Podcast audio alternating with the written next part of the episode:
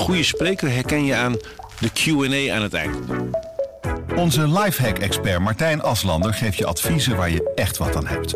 Beluister en bekijk Martijn of een van onze andere experts op businesswise.nl. Businesswise, het nieuwe platform voor iedereen met ambitie.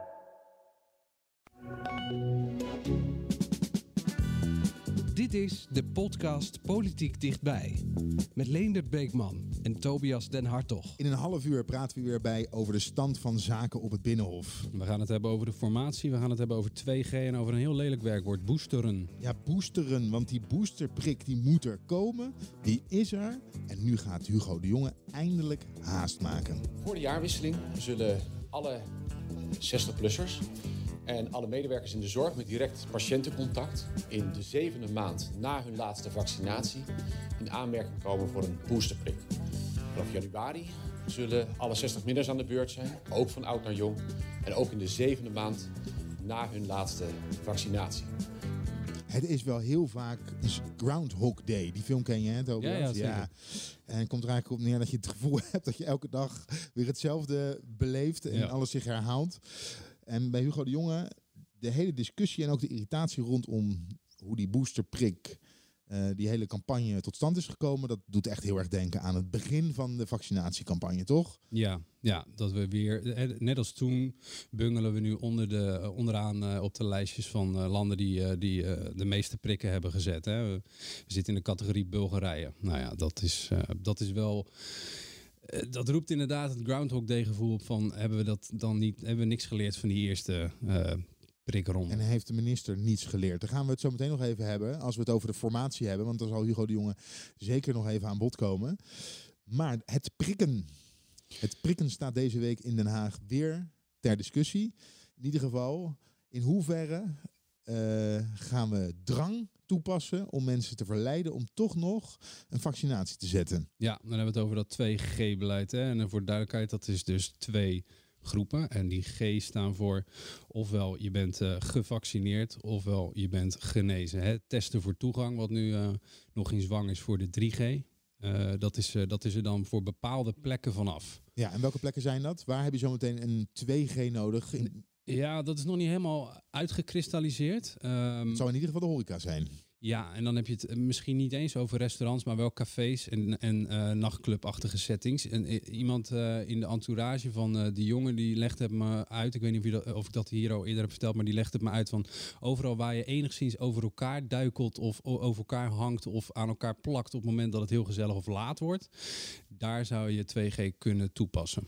Ja, Nou ja, dan kun je. Dit, waar, waar hang jij over mensen heen in eh, cafés en discotheken? En zo? Ja, dat vooral, soort, ja. eh, ja, dat is eigenlijk. eh, zijn dan een beetje de, de settings, evenementen wellicht. Maar dat is dan ook wel weer vaak buiten natuurlijk. hoewel in dit jaargetij. Maar daar moet je dan aan denken. En over 2G zou deze week gedebatteerd worden. ja. Maar dat bungelt nu aan een zijdendraadje? of- Ja, ja, ja, ja. Onze, onze collega Niels Klaassen die, die, die volgt het ministerie van Volksgezondheid op de voet. En dus ook de, ja, de, de procedure rond die, eh, rond die wetsvoorstellen. Hè, het gaat over twee of nee, het gaat over vier wetsvoorstellen zelfs. Maar twee daarvan zijn, eh, zijn, ja, die zijn best controversieel. Dat is dus het 2G ehm, eh, mogelijk maken en het 3G-beleid uitbreiden naar de werkvloer. Nou, dat zijn twee wetsvoorstellen die momenteel die zijn naar de Kamer gestuurd vorige week. De Kamerleden zitten dat druk te lezen, te bestuderen. Waar zitten de vragen nog? Dat wordt dan allemaal schriftelijk gedaan hè, achter de schermen. En dan op een gegeven moment is er, en dat is vandaag weer een procedurevergadering. Daar worden dan nog, wordt dan nog gezegd, nou, ik vind eh, dat hier onvoldoende duidelijkheid over is. Of hier moet het kabinet nog toelichting geven. Ehm, maar het, ja, het kabinet eh, heeft steeds gezegd, we gaan eh, deze wet aan, het, aan het parlement voorleggen. Maar ja, nu is het de vraag of dat debat wel ingepland wordt deze week of überhaupt. Want het is best wel controversieel. Dus de stand... Ja. Ja, En twee weken geleden was er ook een procedurevergadering. ja. En toen ging het vooral over het, het, de, de snelheid waarin dit debat Ja. eh, ingepland moest gaan worden. En dat had hem ook te maken met dat er heel veel vragen zouden komen ja. vanuit eh, alle fracties. Ja. Die, en die moeten op tijd beantwoord worden. Ja, even voor de mensen die dat al normaal gesproken niet vol. Dat gaat om honderden vragen. Ja. Er zitten ambtenaren die krijgen echt honderden vragen afgevuurd eh, over. ehm, eh, dat zijn echt pagina's lang vol met. Ja, wat- en zo'n procedurevergadering is dan ook leuk, want dan gaat het ook op een gegeven moment over hoe gaan we de vragen indelen. Zo kwam Ja. Pieter Omzicht kwam met het voorstel om dan de vragen die op elkaar lijken te gaan bundelen. Zodat ze niet hè, een soortgelijke vragen allemaal apart moeten gaan. eh, ja. maar dat is een wonderlijke, wonderlijk om naar te kijken. Want mensen zien dat natuurlijk niet, zo'n procedurevergadering. Nee. Normaal ga je niet voor je lol zo'n procedurevergadering Nee, zeker kijken. En toch zou ik het eens aanraden, rond dit, soort- Ja. in dit soort gevallen. Ja, dat is, het is inderdaad wel mooi. Hè. Er komen twee dingen samen, namelijk zeg maar de, de, het, het, het ehm, eh, bestuurlijke, hè, of het bureaucratische eigenlijk van Kamerwerk. Van ja jongens, hoe, hoe regelen we dit nou een beetje handig dat, dat, eh, ja, dat we met de agenda's uitkomen. Wanneer gaan we vragen stellen? Wanneer kunnen we de antwoorden dan verwachten? Hebben we dan genoeg tijd om over na te denken? Dat is gewoon een agenda Ja. setting zoals dat thuis ook doet. Maar ja, hier een procedurevergadering is ook een beetje politiek. Dus wat gebeurde er bij die procedurevergadering waar jij het over hebt? Daar probeerde eigenlijk de, eh, eh, de oppositie die tegen die wetsvoorstellen is, die probeerde al meteen dat debat uit te stellen of zelfs helemaal af te stellen. Omdat ze op dat moment, het gaat namelijk een beetje vreemd, er zijn allemaal spelregels voor. Nou, daar is het spelregelboek van, van de Formule 1 eh, alleen gelijk aan. Dat zit helemaal vol met spelregels, die Tweede Kamer. En het was op dat moment een vergaderingetje. En toen was de oppositie in de meerderheid. Want er waren een paar Kamerleden van de coalitie. die die, die wetsvoorstellen best zien zitten. Die waren te laat. Of die waren er nog niet. En eh, om een of andere reden. En ja, toen, toen dachten ze, nou weet je wat, gaan we nu snel stemmen dat we heel die wet niet doen. Nou, dat deden ze. En toen dacht de voorzitter, oh ja, verrek, inderdaad, ze hebben nu een meerderheid. Nou ja, dan kan het niet. En toen kwam, later kwam eh, eh, iemand van eh, D66, die zei van, ja, maar luister eens, in de kleine lettertjes van die en die spelregels staat Ja. toch echt dat. En toen moest alles weer opnieuw. Ja, want dan hè, de ene vertegenwoordiger, omdat we vanwege corona Ja. konden we niet met z'n allen bij elkaar komen. Dus één vertegenwoordiger is genoeg om de stemmen van de hele fractie te laten gelden. Maar nog even voor de duidelijkheid, Ja, inderdaad, hoe werkt zo'n procedurevergadering nou? Het is ook belangrijk dat de, de, eh, de, de Kamer moet vanuit het kabinet eh, de, de wetsvoorstellen krijgen. Zij moeten de tijd hebben om zich daarop in te lezen en er vragen over te stellen. Dan moet het kabinet de tijd krijgen om die vragen te beantwoorden. Juist. En dan moet het op die be- beantwoording, moet de Kamer weer genoeg tijd hebben om dat, hè, om, om dat te lezen en het debat voor te bereiden. Precies. En dat hele, dat hele treintje, dat als dat maar ergens stagneert, betekent dat dat het debat uitgesteld wordt. Ja, En dat je- zou nu heel goed gebeurd kunnen zijn. En de Kamer heeft natuurlijk, de- vooral de oppositie en FVD in dit, ver- in dit geval, eh, die heeft op sommige punten ook wel gelijk. Want er is veel kritiek op eh, de tijdstippen waar, waarop vanuit het kabinet en van, eh, eh, vanuit de ambtenarij stukken worden aangedragen. Dat is Mhm. vaak laat 's avonds, Mhm. eh, waardoor Kamerleden te weinig tijd hebben om zich erop, daarop voor te bereiden. Ja. En dat wilden ze hier eigenlijk voorkomen bij zo'n belangrijk wetsvoorstel. En dat kon ik dus goed begrijpen. Ja. Baudet ging zelfs zo ver om te zeggen... als het kabinet zijn huiswerk niet op tijd af, af heeft... dan gaan we ook, en bij voorbaat zeggen we al... dan gaan we niet debatteren. Ja. Daar krijgt hij de Kamer niet in mee. Maar ik kan me wel voorstellen dat als er zoveel vragen beantwoord moeten worden... dat zowel het kabinet daar heel veel... Hè, dat moet dat secuur gebeuren, die heeft er tijd voor nodig... maar dat de Kamer ook de tijd nodig heeft om eh, Ja. die beantwoording te, be- te bekijken en Ja. eh, te lezen. Nou ja, wat ook meespeelt, eh, er zijn nu niet vijf, zes grote fracties, maar er zijn 19 fracties. Waaronder heel veel eenpitters of mensen die met twee, drie, nou soms tot zes zetels moeten doen. Ja, je kan, het je kan niet zeggen, oké, we knippen de wet in drieën, zeg maar. Hè. Stel je bent CDA, dan ben je, hè, je bent een grote fractie, eh, in het verleden bij wijze van spreken van 50, eh, 50 man. Dan komt zo'n wet, dan knip je hem in drieën. Jij pakt het eh, een deel wat gaat over volksgezondheid, jij over juridische zaken. En jij pakt de uitwerking in de horeca en dan knip je hem op en dan zeg je, nou ga maar lezen, bedenk je vragen, we komen straks weer bij elkaar. Ja, dat is nu niet zo. Er zijn heel veel fracties die het in hun eentje moeten doen. Eh, want de fracties zijn kleiner geworden. We hebben een politiek landschap. Dus dat is heel veel leeswerk voor heel erg weinig mensen. Eh, daarom ook die poging van omzicht om het een beetje te bundelen. Laten we dan de krachten eh, ook over de fracties heen toch eh, benutten. Maar ja, dat komt dan niet helemaal van de grond. Want ja, het is toch, het blijft politiek. Iedereen wil het voor zijn eigen achterban ook doen.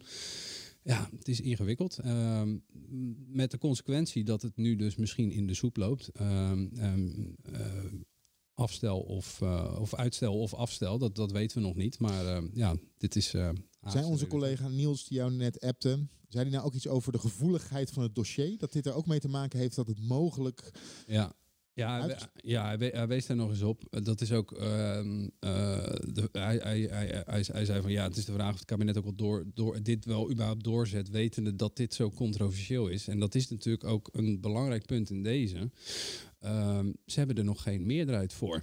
Ehm, Ja, want laten we het daar eens over hebben. En 2G en Ja. ook die 3G-maatregel voor werkgevers. Ja. Hè? Kunnen die zelf bepalen of ze aan hun werknemers gaan vragen of ze gevaccineerd, hè? of in ieder geval gevaccineerd, hersteld of eh, getest zijn. Ja. Ehm, D66 is voor. Ja. VVD is voor. CDA. Dat weten we niet helemaal. Ja, dat, eh, die, die houden zich nog een beetje op de vlakte. Maar je, bedoel, het is een wetsvoorstel van, C- van de CDA-minister. Ik denk dat hij wel even Ja. bij zijn vrienden heeft gecheckt van... joh, eh, kunnen we hiermee weg? Ja, maar je zit nog even te twijfelen bij VVD.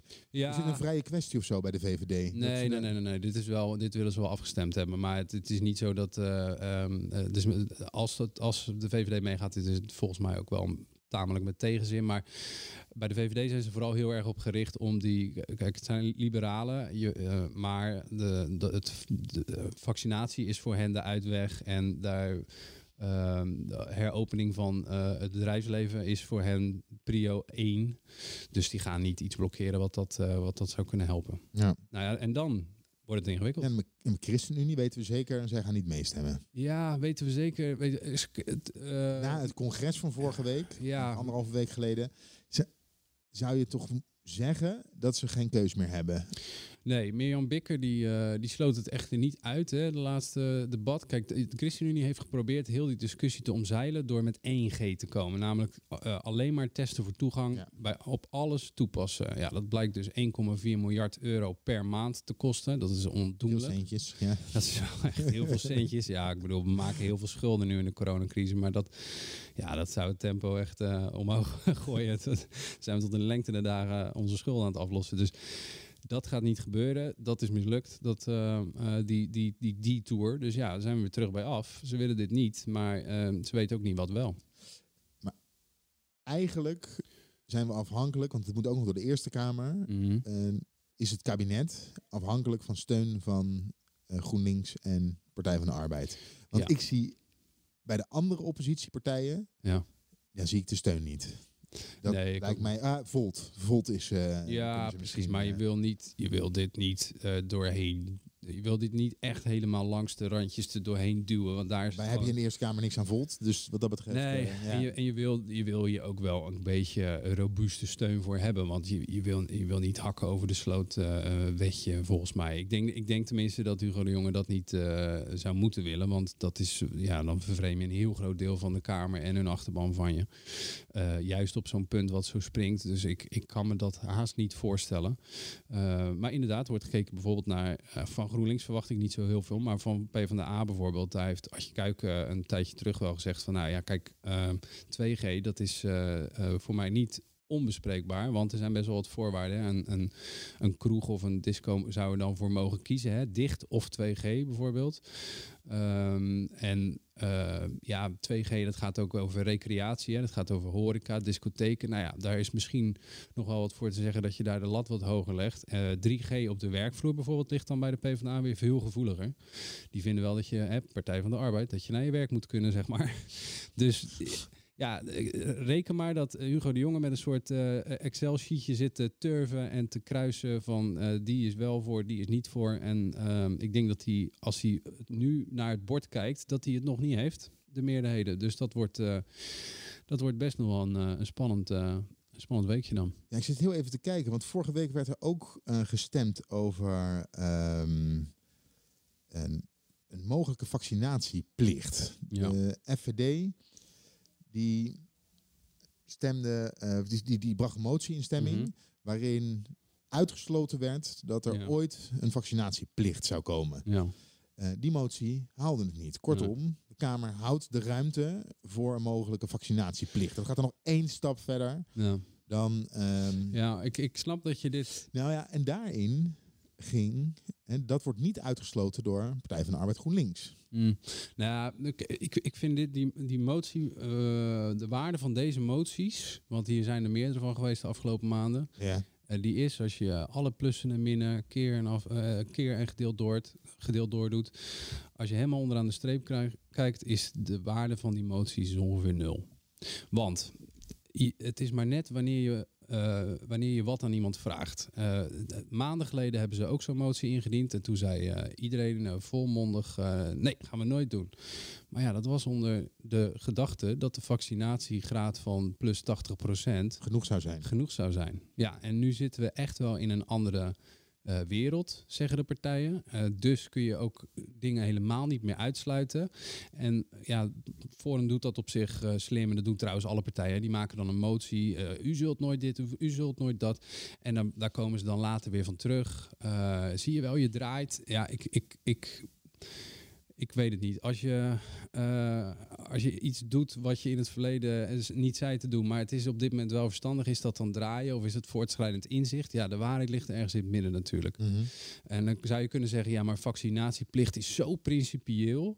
Daar zou je niet van af mogen wijken. Nou, dat kun je prima zeggen inderdaad. Dat vind ik ook helemaal niet gek als je dat zegt. Maar ja, even goed zou je kunnen zeggen... ja jongens, dat zeiden we in die tijd. En dat, dat vonden we toen ook echt. Maar ja, nu moet je eens kijken. eh, we staan er zo voor. Ja, Wat gaat er, stel er wordt vandaag, of vandaag, er wordt deze week wel gedebatteerd over 2G. Hè? Dus Ja. laten we nog even de stel. vaccinatieplicht of volgende week. Mhm.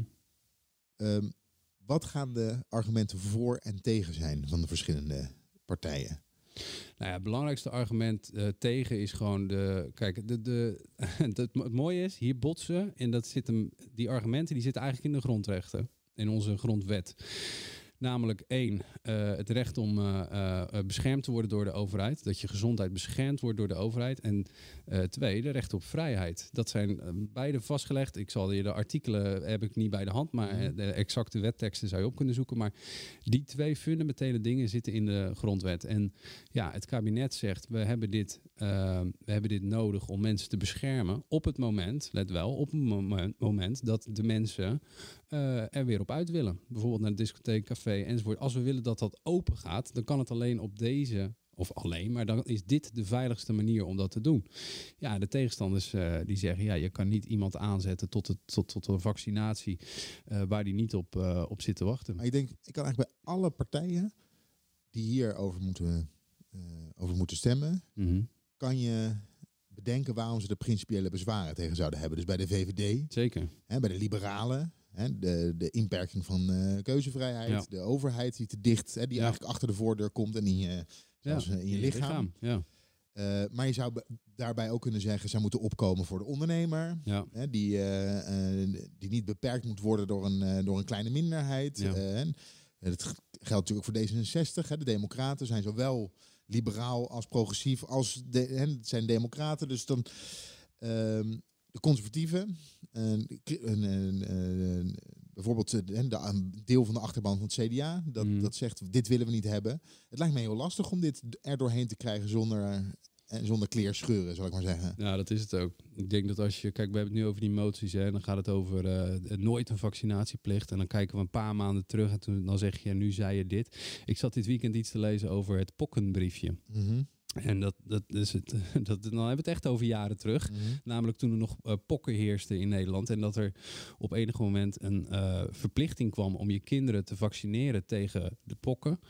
Eh, want dan mocht je, mochten je kinderen weer naar school. Nou, dat zou je in dit.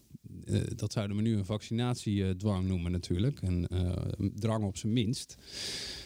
Daar was toen bijvoorbeeld de voorloper van het CDA was daar heel erg tegen.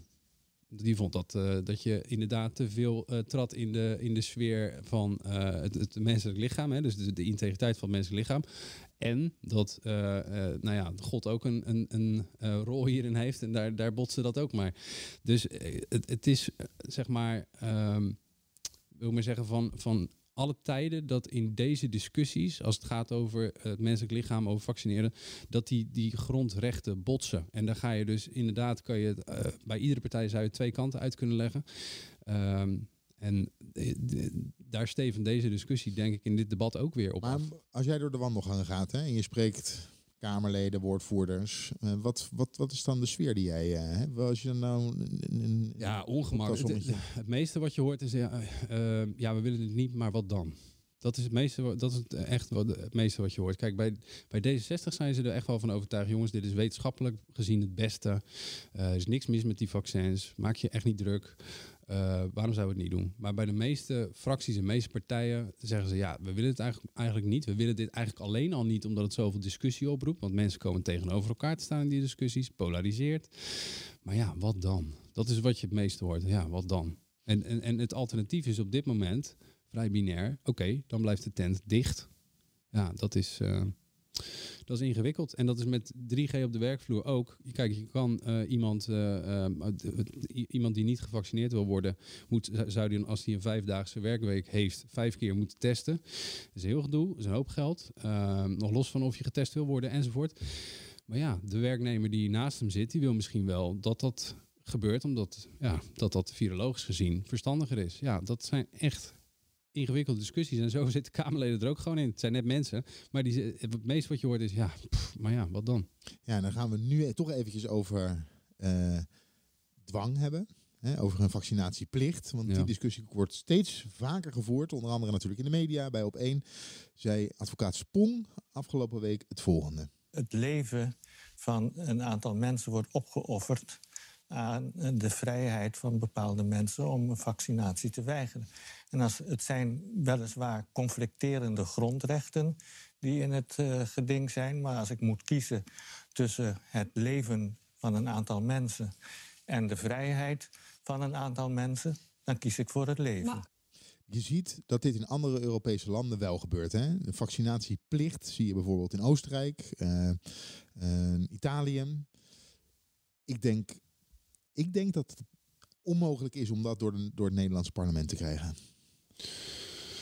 Eh, ik denk het ook. Maar ik, denk, ik, ik had eerlijk gezegd ook niet verwacht dat, eh, ehm, eh, dat Oostenrijk er toe over zou gaan. Ehm, ja, ik denk dat het, ik denk dat dat hier ook heel erg moeilijk ligt, ja. Maar aan de andere kant, als je me vijf jaar geleden had gevraagd of we ooit een avondklok zouden hebben gehad... Ja. en dat mensen zich daaraan zouden hebben gehouden, dan had ik je voor gek verklaard, ja.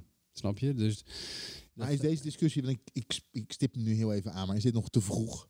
Moeten we eerst even afwachten wat er met 2G gebeurt en met 3G op de werkvloer, voordat we verder gaan praten over... Ja, en je moet, je moet je ook voorstellen, die vaccinatieplicht is ook wel ingeroepen en ingesteld eh, eh, heel recent. Namelijk op momenten dat die aantallen besmettingen ook in al die landen heel hoog waren. Eh, dat we weer eh, in de wintermaanden zitten, vlak voor de feestdagen. Eh, ik moet nog maar zien dat als die discussie over 2 en 3G, als die nu twee, drie weken zo woedt. En we zijn dan, dus de, de corona-dashboard ziet er al wat gunstiger uit.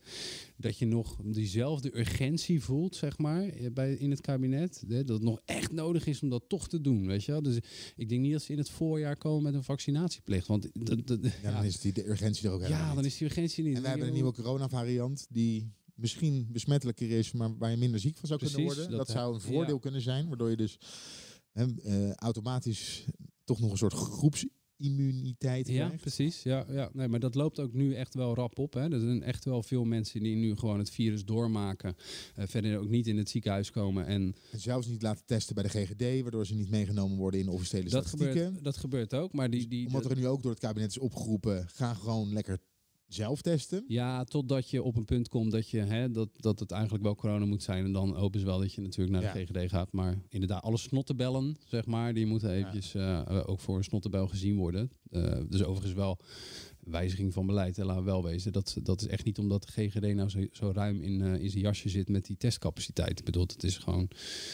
eh, het was testen, testen, testen en nu is het zelf testen, zelf testen en dan een keer echt testen. Dat is natuurlijk ook een, een vind ik wel een rare kronkel in beleid. Maar Ehm, ja, je hoopt, om terug te komen op punt, dat de mensen, eh, ja, dat, dat die wal van eh, mensen die het hebben doorgemaakt toch nu rap hoger wordt. En dat je op een punt komt dat je die vaccinatieverplichting, dat dat ja, niet meer nodig is. Want eh, ik, ik denk niet dat het kabinet daar diep intrinsiek daar de neiging toe voelt. Dat zal meer uit noodzaak zijn dan dat ze dat willen of denken. En dan nu de formatie. We gaan van het ja, van vaccinatie, dwang, drang naar eh, de formatie. Het was ineens vorige week eh, bij jullie in de tijdelijke Tweede Kamer, Ja. was iedereen ineens, wat gebeurt er? Ja, Want er werd was- een podiumpje opgebouwd en, en dan worden jullie allemaal, is, iedereen is in, eh, is in de war. Hè?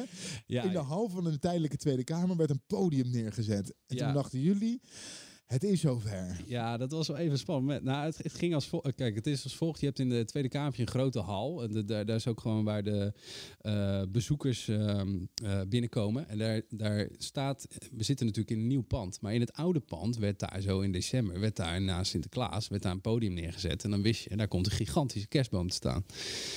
Ehm, we weten niet of dat in dit nieuwe pand ook zo eh, is. Weet je wel? Of, of we daar ook weer een kerstboom gaan krijgen. Maar het grappige was, eh, kort voor, eh, er waren dus mannen een, een podiumpje aan het bouwen. Nou, dat kan dus heel goed zijn voor die kerstboom. Alleen, een paar dagen daarvoor, waren in de ochtend, waren alle eh, hoofd, eh, hoofden voorlichting van de partijen, die waren bijeen in de hal met mensen van de Tweede Kamer, het personeel van de Tweede Kamer.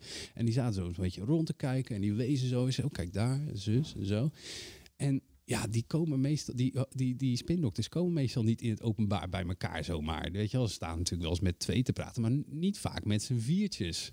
Eh, het was precies de spindokter van de VVD, van de CDA, van de eh, eh, D66. ChristenUnie, D66.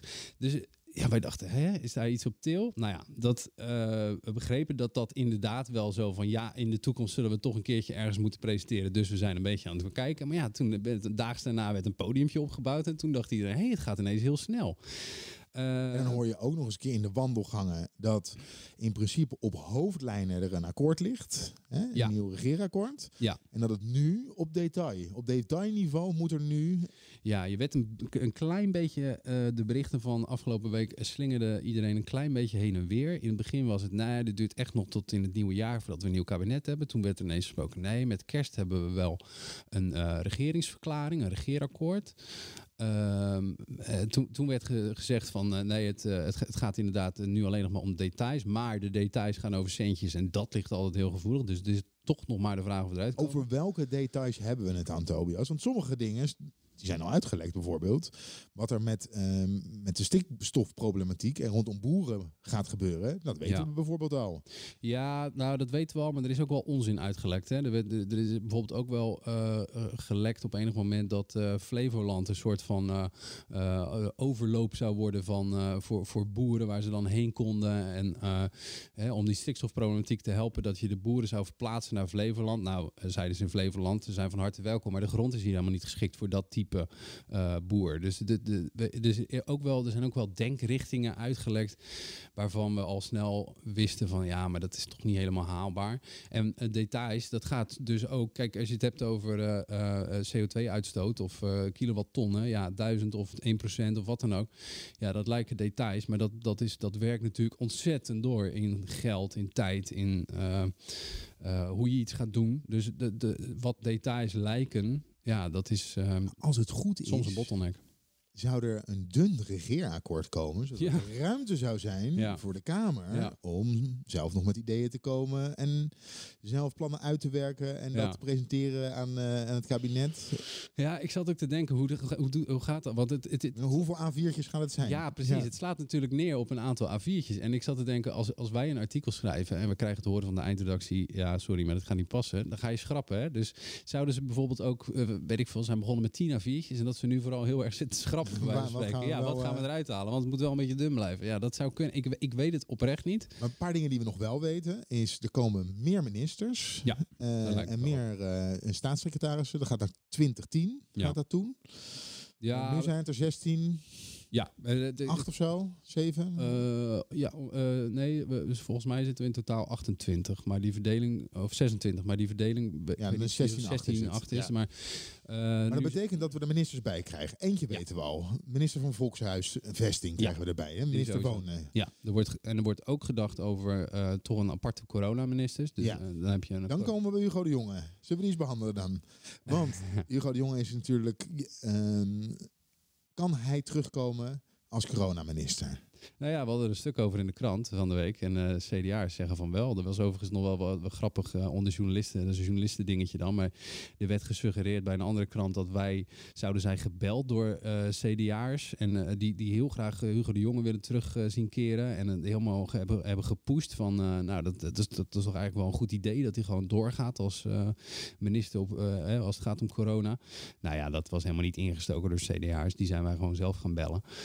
met de vraag van, goh, wat denk je ervan? Uh, dus dat wil ik gelijk even bij deze recht gezet hebben. Maar ehm, nou ja, dat is wel een, eh, een gedachte die, die speelt binnen het CDA. ja, en, en, en, en... ik denk dat dat niet een gedachte is die binnen Nederland heel erg speelt. Ja, dat, kijk, je hoort natuurlijk altijd de luidste protesten. En het feit dat die boostercampagne in veel lijkt op de niet zo hele vlekkeloze start van onze vaccinatiecampagne, dat helpt natuurlijk niet. Dit is op zich niet ja, het, het juiste. Dit zou niet het juiste moment zijn. Uh, zeg maar het is toch de man van de verkeerde voorspellingen. Elke keer zegt hij weer. Ja, of de stellige voorspellingen zegt hij zelf. hè? Ja. nee, maar dat, nee, maar dat klopt. En je, je, je zou. Kijk, je kan dit ook weer twee kanten uitredeneren. En als je bij de partners kijkt voor, uh, van het CDA, als je naar VVD en naar D66, als je daar achter de schermen hoort uh, hoe daarover gedacht wordt. En dan zeggen ze ook, ja, je kan het op twee manieren uitleggen. Enerzijds wil je gewoon een nieuw gezicht daar hebben. Eentje die niet al die voorspellingen heeft gedaan en niet te vangen is op alle woorden die hij die, die al heeft uitgesproken en uh, die misschien wel een keer de wind uh, anders uh, laat waaien. En wie, wellicht kan het dan ook nog wel beter. Maar zeggen ze ook, ja, dit is ook de man die nu precies weet op welke knoppen die moet duwen. Ja. en dat is ook wel wat waard, hè? En, en toch wordt er ook gesproken uh, over mogelijk, um, omdat bij de Partij van de Arbeid toevallig heel veel mensen rondlopen die veel over corona weten uh, uh, en daar mogelijk beleid op kunnen maken. Bijvoorbeeld de heer Kuiper, Ernst Kuiper. Ja. Uh, maar hij is niet de enige. Uh, Levi heet hij. Uh, die zou ook nog uh, om lid. Die zou ook ja, die noemt zichzelf ook wel eens. Van, Ja, de naam is genoemd. ja. ja. dat idee, ja.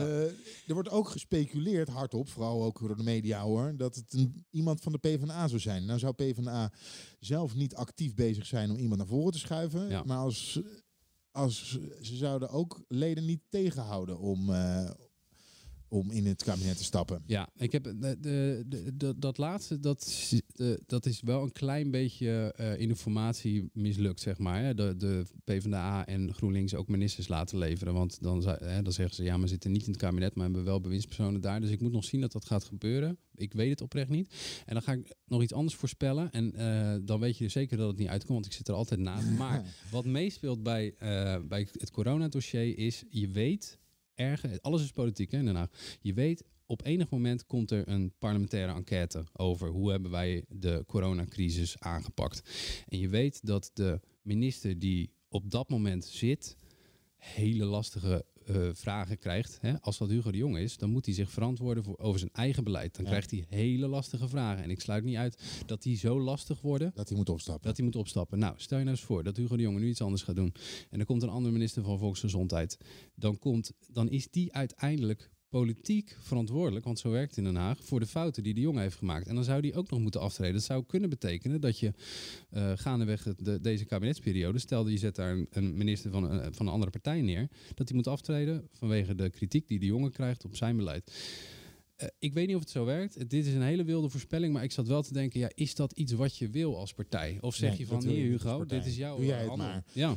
Maar dan hebben we nog een ander, uh, een ander dossier. Dat is buitenlandse zaken. Hoe het normaal gesproken gaat, uh, is dat een, de grootste partij levert de premier. Ja. De ene grootste partij levert de minister van Financiën. Dat zou dus D66 moeten zijn. En ja. de derde partij levert de minister van Buitenlandse Zaken. Dat heb ik goed begrepen, toch?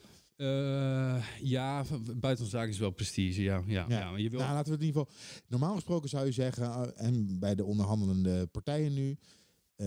Rutte, premier, Bobke Hoekstra hou je op financiën, maar dat zou dan tegen de gangbare manier zijn om de post te verdelen. Want er zou eigenlijk een D66 moeten komen. Dan geef je Kaag gewoon weer buitenlandse zaken. Maar Kaag is natuurlijk geschaad in het hele Afghanistan-debakel. Mm. En daar komt ook een parlementaire enquête over. Ja, dat is inderdaad lastig. En wat, je ook, wat ook nog in deze um, discussie meespeelt, is dat je wil, uh, als partij wil je of de premier zijn, of je wil financiën doen, of je wil uh, sociale zaken doen. Want uh, in, die posten uh, is het meeste geld te verdelen.